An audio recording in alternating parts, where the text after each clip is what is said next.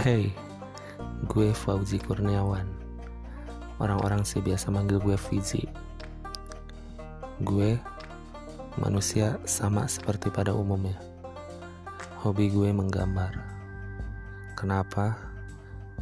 Karena di saat itulah semua perasaan yang ada di dalam hati gue bisa gue tumpahkan di lewat seni.